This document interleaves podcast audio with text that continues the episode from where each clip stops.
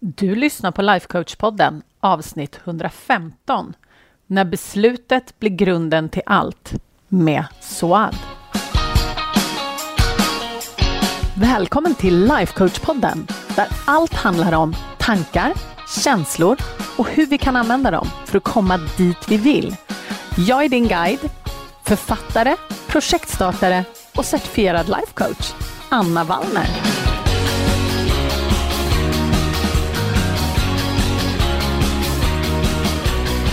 Idag har jag den stora glädjen att ha med mig Swan som gäst. För anledningen till att jag vill ha med henne, det är för att hon är en sån enormt stark kvinna som inspirerar och ett fantastiskt exempel på vad som är möjligt när man väljer själv vad man vill tänka och tro på. Så välkommen till podden Swan. Det är så underbart att ha dig här. Tack så hemskt mycket Anna. Jag är överlycklig för att vara här. Så tack för inbjudan. Ja, men det är ju så underbart. Vi, oh, nu ska vi ha ett bra samtal och så får vi se vart det leder oss. Mm. Men vet du, innan vi går in på din historia och sådär och vart du är idag, kan inte du snälla presentera dig lite grann? Ja, det gör jag gladeligen. Så heter jag som du nämnde. Eh, fyller snart 43 år i maj. Eh, gift, har två fina barn, 13 och 8 år, jobbar eh, och bor i Stockholm. Eh, jag jobbar som ekonomichef på ett IT-bolag numera. Eh, och eh, ja, det, det är där jag befinner mig just nu. Mm. Underbart. Och vi har precis konstaterat också att både du och jag, vi sitter ju inte geografiskt ifrån varandra så himla långt, men att vi har mm. ganska så här regnigt vårväder just nu. Det är det. det, är, men det gäller, det, men det gäller att se ljuset i tunneln, vet du. Det, det kommer bli bra. det kommer bli bra. liksom så här, nordiska inställningen bara, det kommer bli bra. Det kommer ja, Vi bestämmer oss för det så blir det så. ja, precis. Men vi, vi var ju inte här för att vi ska prata om väder idag och sådär.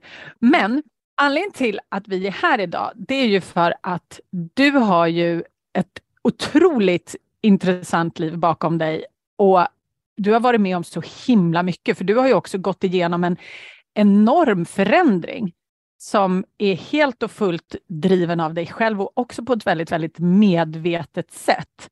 För jag skulle säga att när du och jag pratade lite i förväg sådär om allt det här, så du har verkligen satt dig i ditt eget förarsäte kan man säga. Mm.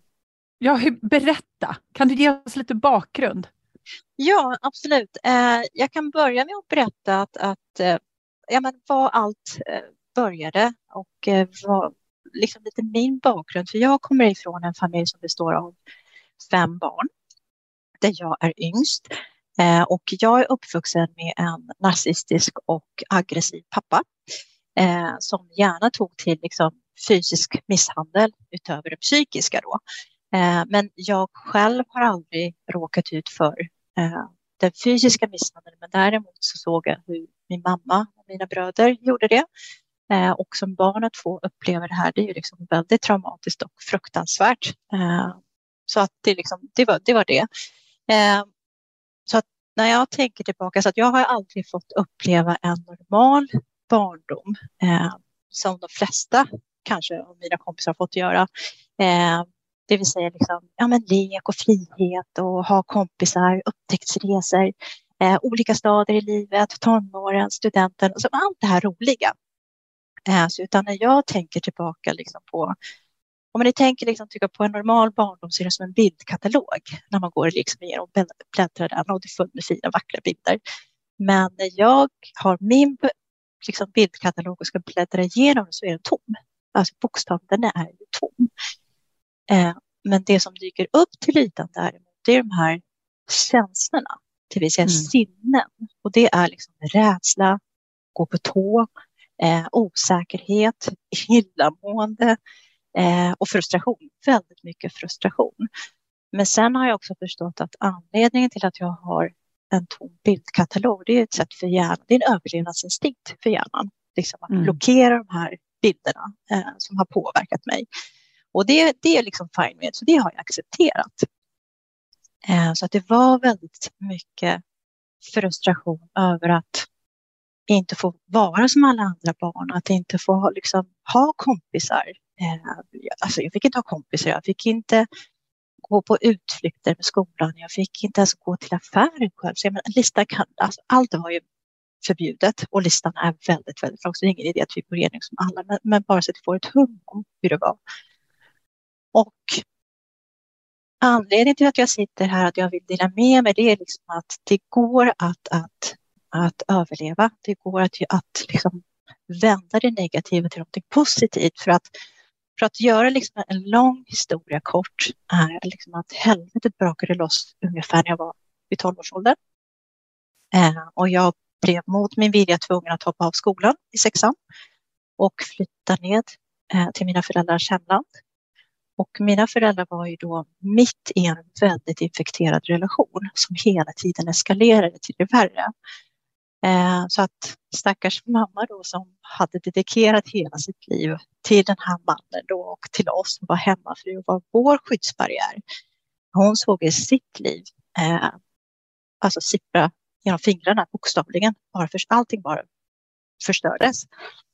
Eh, och liksom allt eskalerades. Eh, för han, eh, min pappa då, han, han blev ju förtidspensionär när han flyttade ner.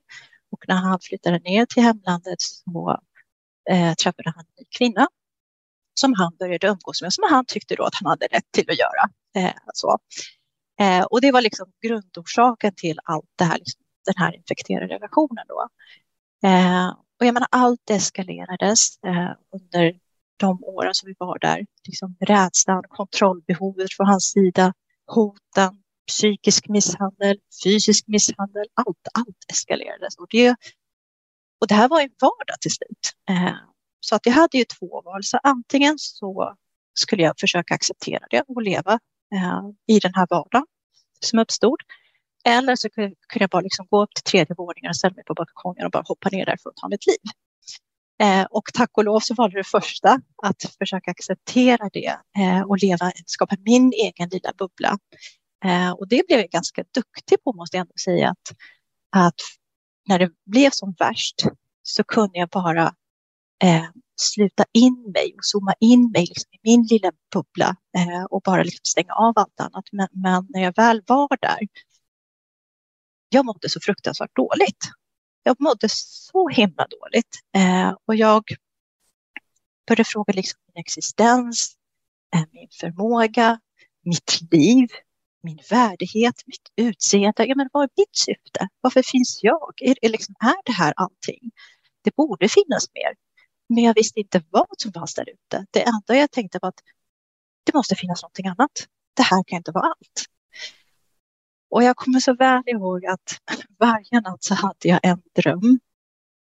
Eh, med en fantastisk känsla att jag stod på en plats och där jag tog sats och sprang och sen så bara upp i luften får jag.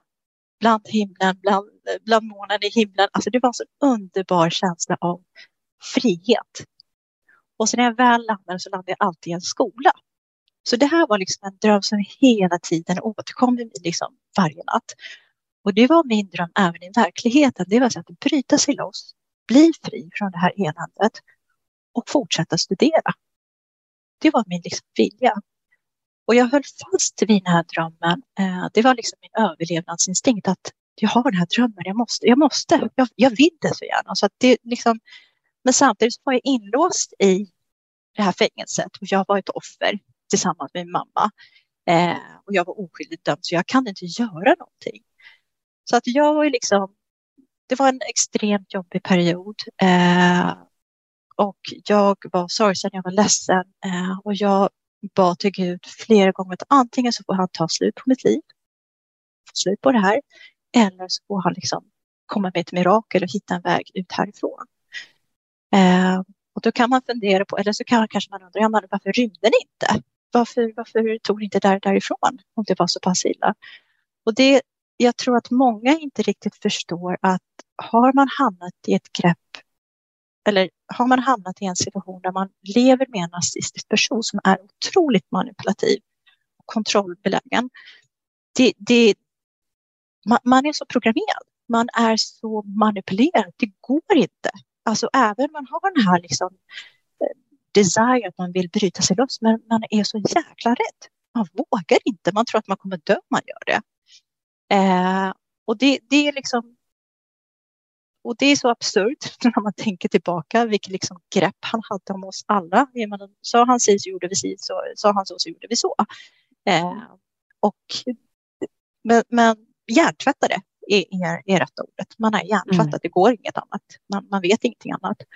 Men 1997 eh, så hände det som jag hade längtat efter. Eh, för jag sa till mamma flera gånger, men kan du inte bryta loss, lämna honom, vi måste härifrån, lämna honom. Men hon visste ju inte bättre. Hon kunde ju inte bättre. Hon var, hade sin rädsla inom sig. Eh, så även om hon avskydde honom eh, innerst inne och hoppades att han skulle bli påkörd av en lastbil och aldrig komma tillbaka så kunde hon inte bryta sig loss. Eh, men, men 1997 så, så was the breakthrough. Eh, hon eh, lämnade honom för gott eh, och vi bröt all kontakt med honom. Eh, men där stod vi då utan någonting. Eh, inget hem, inga pengar, för allting var i hans namn. Det var han som ägde allting. Mm. Eh, och ja, men efter två år så lyckades vi komma tillbaka till Sverige, det vill säga 1999 så gick min dröm i uppfyllelse att ta mig tillbaka hit. Så att jag och mamma gjorde det eh, och jag var ett känslomässigt vrak. Alltså mm. bokstavligen. Eh, jag var osäker, jag, var, jag kände mig oduglig, eh, inkompetent, jag var rädd och samtidigt så gick jag bara på den här tunga bördan av ilska och hat gentemot honom. För att jag fick lida, min mamma har fått lida, hela familjen har fått lida och han är där och lever livet. Han har fått allting och vi mm. började från noll. Eh, så det bara bubblade inom, inombords. Eh, jag tänker som, som lava, så stark var den känslan. Eh, och det var en jobbig känsla. Eh, men, men samtidigt så var jag fullt medveten om att genom att fokusera på den här känslan så hade han fortfarande makten över mig. Eh, mm. Det var det jag försökte liksom jag, jag, vill inte ha det. Jag vill, jag vill inte ha någonting med honom att göra. Eh, så att jag så nu kommer en lång resa av återhämtning. Eh, det vill säga uppbyggnad, eh, reflektion, bearbetning av både trauma, sorg, allt som har hänt. Eh, och fokusering, det vill säga fokusering på mig själv, på min dröm och på min vilja. Vad är det jag vill? Eh, så att jag började med att registrera mig på komvux. Jag läste mm. in högstadiet jag läste in gymnasiet, alltså gymnasiebehörighet. Jag började lära mig om samhället. Det var som att jag flyttade till Sverige för första gången. För ja, för hur många år hade du varit borta då? Förlåt, jag som inte kan räkna. Ja, så här är det. För, för vi, när jag var 6-12 eh, år eh, och vi kom tillbaka 99, men under den tiden så hann vi liksom komma tillbaka till Sverige under korta perioder. Så att totalt sett kanske man kan säga men fyra, fem år, den här ja. perioden. Eh, det är ändå länge i den åldern. Det är länge. Det mm. är länge. Det är det. Eh, och det är då man är som just mest sårbar också i den åldern. För jag mm. har en son som är 13 år eh, och när jag tittar på honom så tänkte jag, men herregud, jag var ett år yngre när liksom helvetet eh, mm. brakade loss. Eh, och det, det är fruktansvärt. Mm. Eh, så, Men då började du bygga upp i alla fall, för det, det var ja, där jag avbröt dig, förlåt. Ja, jag började bygga upp som sagt och jag skaffade vänner och började jobba vid sidan om studierna. Jag skaffade mitt körkort när jag var 22 tror jag. Eh, och sen så utbildade jag mig vidare till, till, till ekonom då, eh, som jag är idag. Eh, så det, det är den historien, om man liksom lite kortfattat. Mm. Mm.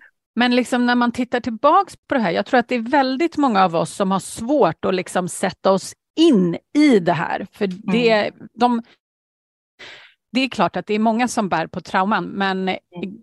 förhoppningsvis skulle jag säga inte av den här liksom magnituden ändå. Mm. Mm. Men vad skulle du säga liksom har varit nyckelfaktorer om vi tittar på den här resan, att det ändå liksom att du har hamnat, att du har haft styrkan att hamna, eller inte hamna, att skapa mm. det som du har skapat idag? Mm. Jag skulle säga att det finns flera olika nyckelfaktorer. Eh, för det första så valde jag att ta ett beslut om att släppa taget om det förflutna. Mm. Det vill säga, det som har hänt, det har hänt. Och det är ingenting jag kan ändra på. Och att liksom ägna tid och energi på att fokusera på det förflutna, det gynnar inte mig, varken här och nu eller i den framtid som, som jag vill skapa. Så det bara bromsar min utveckling. Och att gå runt och bära på den här tyngden som jag gick och liksom kände och tänkte att det här hatet, det här liksom ilskan. Eh, jag ville inte ge honom det. Alltså mm. jag, jag, jag ville, och jag insåg att om jag, för jag har förlåtit min pappa, eh, trots allt. Eh, och jag tog det beslutet eftersom jag gjorde det för mig själv.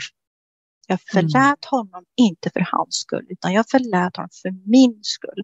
För att jag ska kunna må bra, för att jag ska kunna gå vidare med mitt liv och skapa det livet jag önskar leva och vara den personen som jag vill vara. Och verkligen kapa banden helt och hållet. För att gå runt och grubbla och, och liksom, det, det, det gynnar inte mig, det gynnar inte någon. Eh, utan bara släppa taget. Så att släppa taget om det förflutna är det första nyckelfaktorn.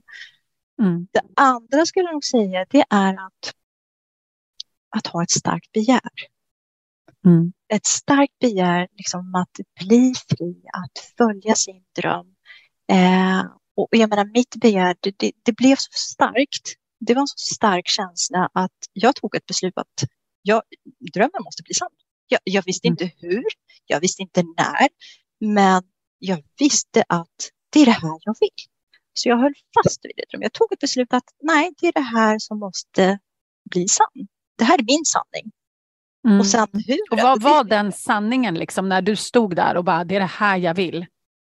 Det, frihet. Ja. Det är det första, absolut komma loss och bort från den här infekterade liksom, miljön. Bort från mm. det. Eh, och skapa mitt liv på mina villkor och stå på mm. mina egna ben. Det var liksom min dröm. Och naturligtvis studera, men det är, liksom, det är delmål hela tiden. Men min dröm det är alltså friheten, skapa ditt liv som jag vill ha det och leva mitt, mitt liv som jag, på mina villkor och inte på någon annans villkor. Jag vill mm. kunna styra över mitt liv på mitt sätt. Och sen är också en annan nyckelfaktor, det är ju tron och övertygelse.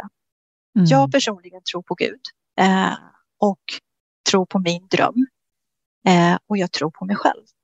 Jag mm. vet att jag är en god människa och mina intentioner är goda. Jag har aldrig gjort någon illa. Så det kommer gå bra för mig. Jag är helt mm. övertygad om att när jag väl börjar så kommer det gå bra för mig. Mm. Eh, och det, det, är de här tre nyckelfaktorerna skulle jag säga. Att, att släpp taget om det förflutna. Eh, ha ett starkt begär om din dröm. Och ha tron och övertygelsen att det kommer gå bra. Mm. mm. Jag tycker att det är så himla bra. För att mm. just det där med beslutet att verkligen så här, ja, nu, nu är det det här som gäller. Liksom. Mm. Mm. Men hur utvecklade du, liksom? för jag menar det är ändå en styrka. Jag menar jag träffar ju så många som är så här, ja, men jag har, nu har jag tagit det här beslutet och så, så händer det någonting eller så liksom går man vidare och så liksom luckras det upp lite och så glömmer man bort det. Och liksom, jag mm. vet inte, och så kanske man är så här, nej men är det verkligen rätt beslut? Men jag kanske ska besluta om, eller hur ska jag göra? Jag menar, du verkar, för det första så verkar du ha varit extremt målinriktad, men du verkar också ha varit och är fortfarande liksom väldigt stark i den här beslutsamheten. Mm. Hur, hur utvecklade du den, eller är det någonting som du alltid har haft? Nej, alltså många kanske tror att, att beslutsamhet är medfött eller ärftligt. Eh, och det mm. är det inte, utan det här är en liksom, egenskap som man utvecklar med tiden. Och det är genom att träna sig till att ta beslut. Och jag tror att nyckelfaktorn till beslutsamhet, det är begäret. Mm. Det måste finnas ett starkt begär som är kopplat till det här beslutet så att du ska kunna hålla fast vid ditt beslut. För annars mm. är det som du säger, ja men jag tar ett beslut och sen så händer det någonting på vägen och sen så blir man lite osäker och bara, nej, men då faller man tillbaka till gamla vanor igen. Då, då, då mm. luckras det upp det här beslutet. Du måste ha ett starkt begär kopplat till ditt beslut för att du ska kunna lyckas och då spelar det ingen roll vad som än händer under resans gång. Du, du, du, du kanske misslyckas flera gånger eh, eller du stöter på patrull, men du faller, men du reser dig upp starkare än någonsin och fortsätter jobba mot ditt mål och ditt beslut. Och det, mm. det, liksom, och det första beslutet det är alltid det läskigaste, speciellt om man inte valt att ta ett beslut, ett stort beslut som ligger utanför ens comfort zone.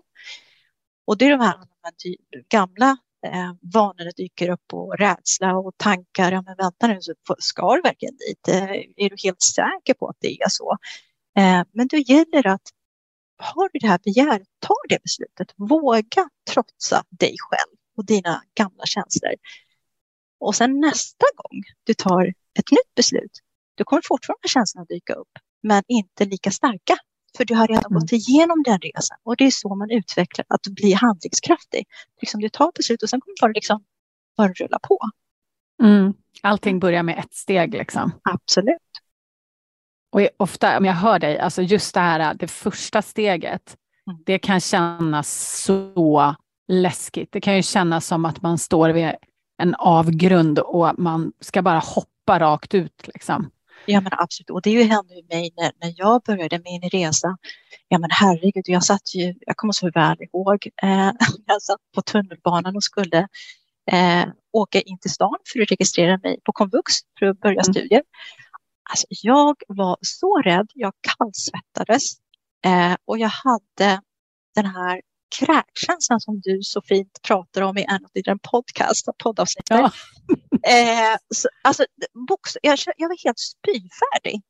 För så rädd var jag, för det är någonting som jag var ovan att göra. Jag är inte van att sitta i tunnelbanan och åka själv eh, bland alla dessa människor. Jag visste inte riktigt vart jag skulle liksom, ta vägen. Men återigen, jag var så fast besluten att det är det här jag vill göra. Jag måste ta mig igenom det här. Och och sen så blir liksom, ja men nästa beslut och nästa gång jag gjorde någonting nytt, ja men självklart dyker den här känslan upp igen. Men det var mm. inte lika kraftfullt. Utan jag visste mm. att jag kunde hantera det. Och det här är bara en känsla som jag måste bearbeta och, och inte fokusera så mycket på. Mm. Så att allting, precis som allting börjar med första steget. Mm. Ja men verkligen. Och sen också när man har gjort det som du säger, och man inser att trots att jag är så rädd så att jag nästan kräks, mm. så inser jag också när jag har gjort det första gången och så mm. kanske andra gången att det är faktiskt bara en känsla och jag kan övervinna den. Absolut. Och då blir det ju som du säger också, men det är nästan, man visar sin hjärna att så här, titta, vi dog inte. Mm. Vi gör det igen. Och jag menar hjärnan är ju som en muskel så de tänker om du går till gymmet och tränar dina muskler, det är klart att de blir större och starkare och det är samma sak med hjärnan, att, att vi har de här gamla vanorna och gamla liksom mindset mm. och, och det här undermedvetna som styr oss. Eh, och när vi försöker liksom programmera in någonting nytt, ta nya beslut, större beslut eller skapa nya vanor, ja, men det är klart att liksom det går emot hur, dina gamla vanor och det är det som skapar den här liksom turbulensen i, i, i dig. Eh, så det är helt normalt. Eh, men det känns inte så när man är mitt i det just där, just där och då. Men det är, så, det, det är helt normalt att känna så. Och det, mm. det tog mig faktiskt flera år innan, innan jag förstod var, varför. För det är en fråga som jag själv har ställt. Varför har jag lyckats? Eh, varför har det gått så bra för mig? Eh, sedan kan man höra om andra som har hamnat helt snett liksom, med missbruk eller vad det nu kan vara på grund av trauma eller vad det nu kan. Men, men jag har inte ens tagit en cigarett i hela mitt liv. Alltså, vad är det som gjort att jag har lyckats? Ja, men då, då har jag fått reflektera över, ja men det är på grund av ja, att jag hade liksom varit fast beslutsam och så vidare. Jo, men just det här med att man övervinner sin känsla på något vis, för det är ju lite det vi pratar om när du sitter liksom på tunnelbanan. Mm. Att förmågan och styrkan, liksom den mentala och känslomässiga styrkan, att man faktiskt kan känna sin känsla istället för att låta den styra sig. För att i många lägen där så är det ju rädslan som vinner. Och mm. sen så går man tillbaks in i sitt vanliga gamla beteende mm. eller in i grottan som mm. våran hjärna vill att vi ska mm. göra. Den bara, nej, nej, det här är läskigt. Så det är ju just den där känslomässiga eller jag ska säga styrkan att känna sin känsla, Det är ja. ju något man måste träna upp och som du uppenbarligen har tränat på väldigt mycket. Mm, det, det har du helt rätt i och det är någonting. Det gäller att sitta och fundera över vad är det jag vill? Mm. Vad är det jag vill? Uh, och det är kanske inte många som, som har, har reflekterat över vad är det egentligen jag vill göra med mitt liv. Eller, uh, och det kan handla om liksom, vilken partner man vill ha eller vilket jobb man vill ha eller vilket liv man vill ha, alltså livskvalitet. Utan vi, vi går på autopilot, vi kör bara på. Och det är först när man stannar upp och börjar reflektera över vad är det jag, jag, Suad, vad vill jag som person? Eh, mm. Vilket liv vill jag leva? Vilken partner jag vill dela mitt liv med? Eller vilken livskvalitet, vilket jobb, eh, vilken framtid? Det är då man börjar liksom inse, okej, okay, i mitt fall i alla fall, eh, jag vill ha det här livet. Okej, okay, vad behöver, vad, vilka beslut behöver jag ta då? Ja, men då behöver du ta de här besluten. Mm. Eh, känns det läskigt? Ja. Eh, är du styrfärdig? Ja. Eh, vet du hur? Nej. Men det är det här jag vill. Mm. Och det gäller bara att hålla fast vid det, för det är någonting, då har man reflekterat och då har man skapat den här fantasin och det här begäret. Att mm. det är det här jag vill göra. Och sen så kommer det liksom, du kan bara det på delmål efter delmål. Uppnå första delmålet, ja, då är det nästa delmål och så vidare. Mm. Ja, men det, jag tänker också att det är många som säkert fastnar i det här som du säger, vet jag hur? Nej. Mm. Och då är folk så här, jaha, nej men jag vet ju inte hur, mm. så då kan jag inte göra det. Istället för att, som du säger, så här, ja, men man tar ett första steg. Mm. Om jag bara tar det här steget, så kommer nästa steg säkert visa sig och då kan jag ta det och sen Absolut. rullar det på, precis Absolut. som du säger. Absolut, för jag menar, skulle du ha frågat mig för 20 år sedan hur du skulle ha hamnat här, skulle jag ingen aning. Ingen aning. Jag, jag, vet att jag vill härifrån. Det är det första steget, men, men sen, det, det vet jag inte. Det enda jag visste, jag hade liksom tron om att det kommer gå bra. Mm. Det kommer gå bra. Det kan inte gå fel. Mm. Visst, man stöter på patrull, eh, men då gäller det bara att man tar lärdom av det. Det gör bara en starkare. Mm. För tittar man på alla som har lyckats och är framgångsrika, har de inte stött på patrull? Självklart har de inte misslyckats, menar, självklart, men det har de liksom vänt till en fördel istället. Mm. Och det är ju samma sak om jag tänker tillbaka på liksom, mitt förflutna och min barndom. Och jag har, när jag liksom nu reflekterar över jag ser det bara som att någonting positivt numera. Utan jag har ju vänt det till någonting positivt. Att det, det, det, det är ett bränsle i, i, i min motor. Det är det som driver mm. mig framåt. För att jag är den jag är på grund av mitt förflutna. Jag skulle inte vara den personen idag. Och då gäller det att man, man tränar hjärnan till att oavsett vad som än händer dåligt, ser från liksom en positiv synvinkel. Okej, okay, du har fått ett problem, men okej, okay, det går att hantera. Men vad tar jag för lärdom av det här för mitt framtida jag? Mm. Och inte bara fokusera på det negativa. För ju mer du fokuserar på det negativa, desto mer negativt blir det. Ja, som man frågar får man svar. ja, helt klart. Här, varför är allt så dåligt? Jo, säger hjärnan. Vänta, ska jag förklara för dig. Här är alla bevisen. Nej, men absolut. Och det, men det är det också som jag tycker är så fantastiskt med dig, att du har ju liksom lyckats göra det här allt på egen hand. För du berättade ju för mig när vi talades vid att varken du eller din mamma har ju liksom fått någon hjälp med hur ni ska hantera det här, utan all den här vinsdomen som du har, den har ju du kommit på helt själv. Eh, ja, stämmer. Eh, så jag har inte gått till någon eh, psykolog eller pratat med någon. Eh, det här måste jag också säga, det här är första gången någonsin i hela mitt liv som jag öppnar upp och berättar min historia. Så att, och det, här, det här är också ett beslut jag tog och en dröm som jag förklarar för dig, en dröm om att, att, att dela med mig och inspirera andra om att det går att lyckas. Så nej, vi fick ingen hjälp. Jag menar, vi hade ingen, eh, ingen stöttning från vi hade inga vänner, vi hade liksom inga släktingar, utan vi var isolerade helt enkelt. Eh, och när vi kom tillbaka, så mamma och jag har en väldigt, väldigt nära relation. Eh, så att hon var ju min support och jag är hennes support. Eh, Mm. och, och jag har fått, så hon har ju stöttat mig i min resa med det hon har vetat om och kunnat. Eh, och sen så har jag fortsatt på egen hand. Men, men det är återigen, allt, allt grundar sig i det här begäret. Eh, Mm. Jag vill, jag vill.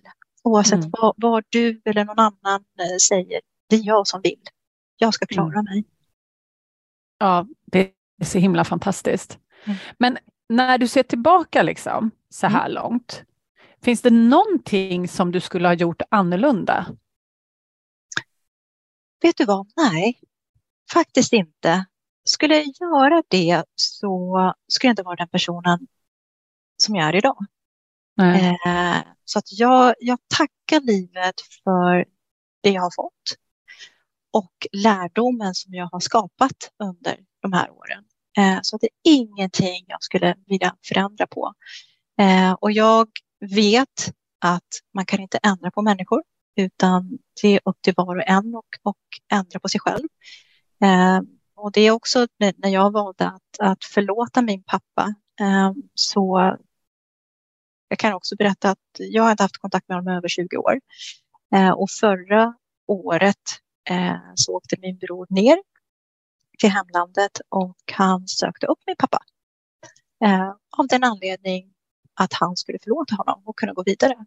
Eh, och så fick jag ett samtal av min bror och så sa han, eh, jag sitter här med pappa, vill du prata med honom? Jag bara, men varför ska jag prata med honom? Jag har ju redan gått vidare. Eh, men att, du, att, du, att han får höra från dig att du förlåter honom. Och min första reaktion var, men jag har redan gått vidare så att jag tänker inte eh, prata med honom. Så jag sa ju nej först. Men sen så där och då så fick jag liksom en, en, en tanke och en känsla att nej, det är jag som bestämmer. Det är inte han. Jag ska inte låta honom liksom bestämma över mig. Då sa jag, men okej, men då pratar jag med honom. Så att då fick jag luren. Så eh, det var ett väldigt, väldigt kort samtal. Men jag sa till honom, eh, vet du vad? Eh, det här är första och sista gången jag kommer att prata med dig och du kommer få höra min röst. Men jag vill att du ska veta att jag har förlåtit dig och gått vidare. Så har du några demoner som liksom förföljer dig, det är upp till dig och bearbeta och hantera det. Men jag har förlåtit dig. Och sen så la jag på, på luren. Mm. Eh, och det är liksom det här med när vi går till, när du frågar liksom, är det någonting du vill ändra på? Nej, det, det vill jag inte. Jag, jag, jag är så glad och tacksam över mitt liv och, och mitt bagage. Eh, och att jag har lyckats liksom stå där jag är idag. Mm. Så fantastiskt. Mm. Det är så fantastiskt. Men om vi tittar tillbaks då från en, en annat perspektiv, liksom. om vi tittar på hela den resan som du har gjort och liksom allt som du har skapat, både liksom på insidan och på utsidan. Mm. Är det någonting som sticker ut som du är lite så här, det här är jag extra stolt över, det här ligger mig lite extra varmt om hjärtat, att jag har skapat eller gjort just det här? Ja, jag skulle nog säga att det jag har utvecklat och har med mig, eh, det är en fantastisk förmåga att hantera utmaningar i livet. Eh, och det gör jag med, en, en, med ett lugn, eh, med visdom och med fokus numera. Jag känner att jag är stark och jag vet och är helt övertygad om att allt går att lösa. Och oavsett hur jobbigt den är, oavsett hur lång tid det tar, allt har en lösning. Eh, och jag får ingen panik över stressiga situationer, eller, utan jag är lugn, jag är handlingskraftig och jag är inte den första som slänger in handduken heller. Så det är de här Mm. egenskaperna som jag känner att jag har fått med mig som jag är extremt stolt över. Mm. Ja, gud, det ska det ju vara. Mm. Det är så fantastiskt.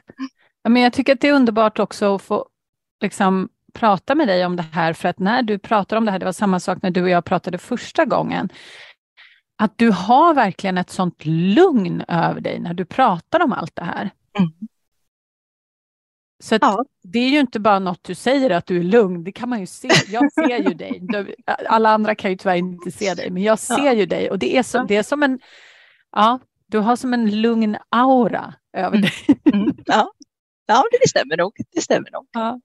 Ja, det är så himla underbart. Men du, vad ska vi, vi säga, vad ska du skapa i framtiden? Vart, vart är du liksom på väg livsmässigt, tänker du? Ja du, nu ska du höra häpna. Eh, Jag, som sagt, jag har jobbat som ekonomichef här nu, eh, våra bolaget i snart fyra och ett halvt år.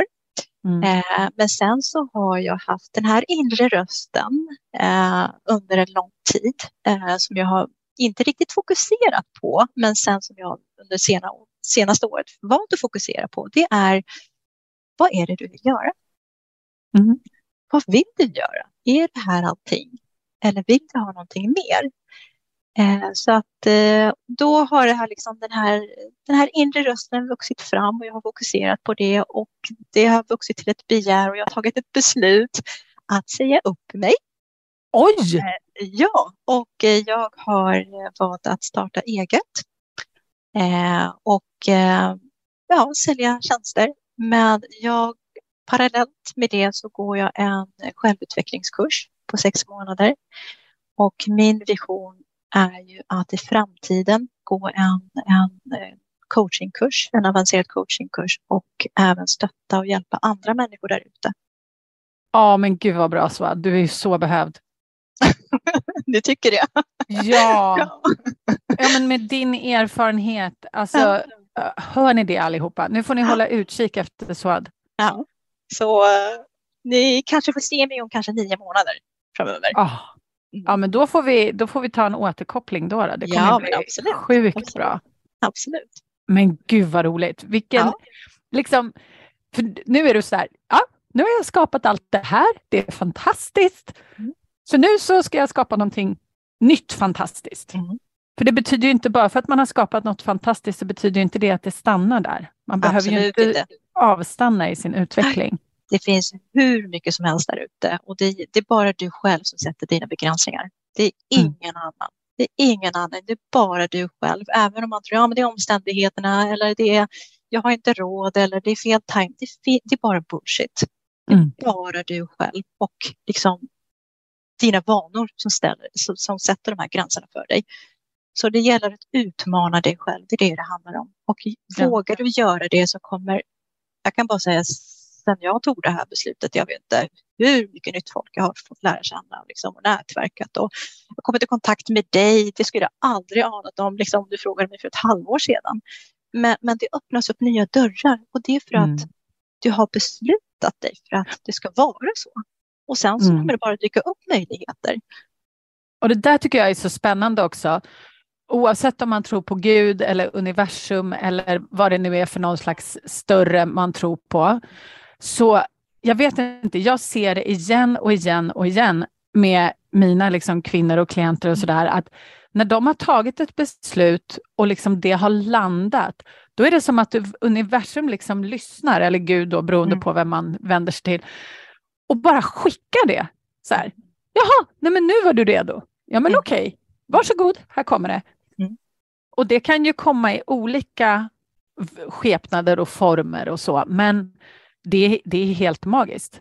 Det är väldigt, Just det där när man ja. bestämmer sig själv. vill du höra något roligt? Eh, hur, hur jag kom i kontakt med dig för att jag tror att det var tre dagar innan eh, så skrev jag ner på ett papper att jag vill vara med i en podcast och dela Ja. med mig min historia och inspirera andra. Alltså det låter helt sjukt. Eh, och sen tror jag att det var två dagar eller tre dagar efter så såg jag ditt inlägg om att du sökte personer så kontaktade jag dem. Jag, jag trodde aldrig att du skulle svara. Jag tänkte men hon kanske är ute efter en helt annan profil. Eh, och här sitter jag. På Ja. tal om att du vet inte. Det är bara liksom, det är det du vill. Och sen så blir det, du blir bara kopplad till, Ja. till, till rätt person eller rätt möjlighet. Ja men visst är det coolt. Ja, Mm, det det är är jättecoolt. helt underbart. Mm. Det är helt underbart. Men vet du vad? Eh, om vi, vi pratar ju om det här att man ska veta vad man vill och det ena med det tredje och sådär. Men om vi tänker liksom på kvinnor där ute som vill skapa förändring liksom i sina liv. Oavsett nu om de har trauman i bagaget eller inte. Vad är liksom ett tips som du skulle ge dem? Finns det någonting som du vill säga till dem lite så här på sluttampen här nu? Jag skulle nog säga lyssna på din inre röst. Jag är helt mm. övertygad om att alla har någonsin haft den här inre rösten som har liksom kommit upp till ytan och som man känner, ja men det här kanske kan vara något, eller det är det här. Och sen så dyker det upp gamla eh, vanor upp, ja men rädsla och oro och så liksom dödar man den här känslan. Eller så dödar mm. man liksom inre rösten. Gör inte det.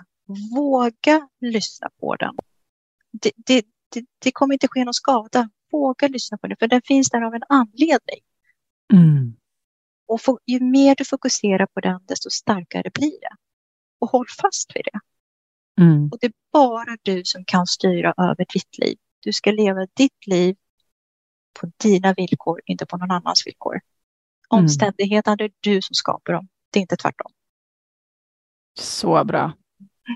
Och sen också att de ska ta ett beslut, eller hur? De ska ta ett beslut, precis. De ska lyssna på sin inre röst så att det blir till starkt begär och ta ett beslut att jag ska fortsätta lyssna på det här så att det blir min dröm.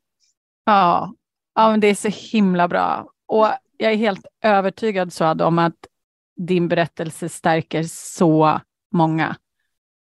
Det hoppas jag innerligt att den gör. Ja, verkligen. Och jag tror, jag tror också att det är jättemånga som kan känna igen sig, kanske inte i allt, hoppas vi, men i många delar av just det här med beslut och svårigheter och också det här med, ska man våga och lyssna på den där rösten liksom? För det är ju ändå så att det är ju läskigt, som du beskriver. Mm, det är läskigt. Och, det, och, det, och jag tror nog att se över ditt liv. Är, är mm. du nöjd med det? Är du verkligen satisfied? Är du nöjd med ditt liv? Om inte, ja men där har du svaret. Det är bara du som mm. har svaret på din fråga. Jag menar, om, du, om du inte är nöjd med ditt liv, jag menar varför? Ja, men det kanske jag, jag är inte riktigt nöjd med, med att, äh, det jobbet jag har eller, eller livet eller den partner. Ja, men då har du någonting att jobba med. Lyssna på den här inre rösten. Vad säger den dig? Mm. Livet är ju för kort. Eh, så, så, och vi säljer vår tid, så gör, gör det till någonting bra istället. Så att du kan njuta och vara lycklig i ditt liv. Uh, och jag menar rädsla och kunna utmana dina rädslor, det, det, är bara positivt för din, för din egen personliga utveckling. Mm. Absolut, och tid är det enda vi inte kan få mer av. Nej, absolut inte. Absolut inte. Så vi skickar med det med mm. alla kvinnor, att börja nu. Börja nu. Du är unik. Det finns bara en av dig. Och jag tänker också så här, nu spinner vi loss på fler saker, men just det där, den där rösten som du pratar om. Mm.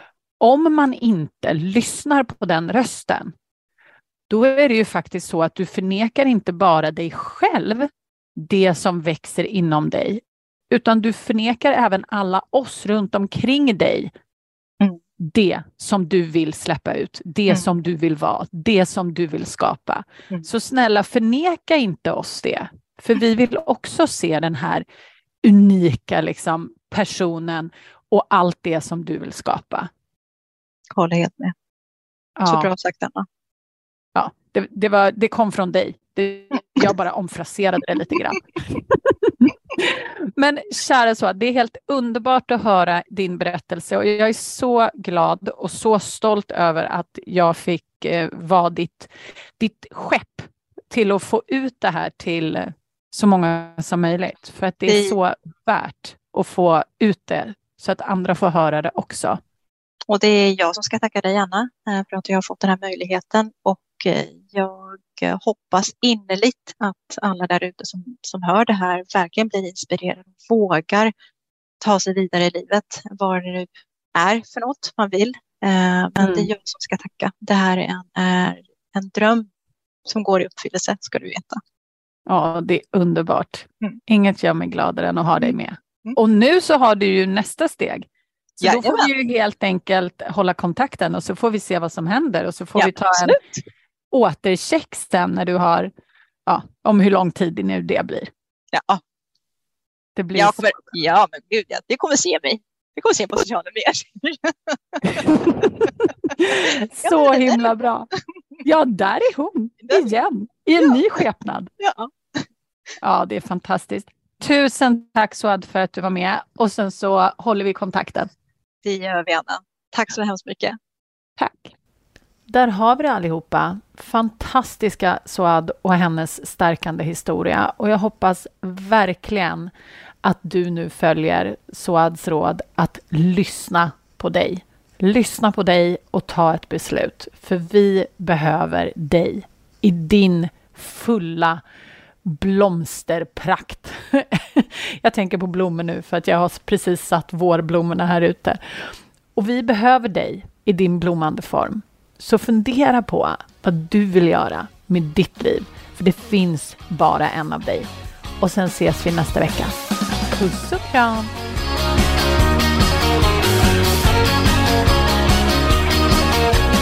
Om du gillar vad du hör här på podden så måste du kolla in mitt månatliga coachningsmedlemskap. Där tar vi alla verktyg här på podden plus massor mer. Vi tillämpar dem och får våra hjärnor att jobba för oss istället för emot oss. Det är en game changer. Jag lovar.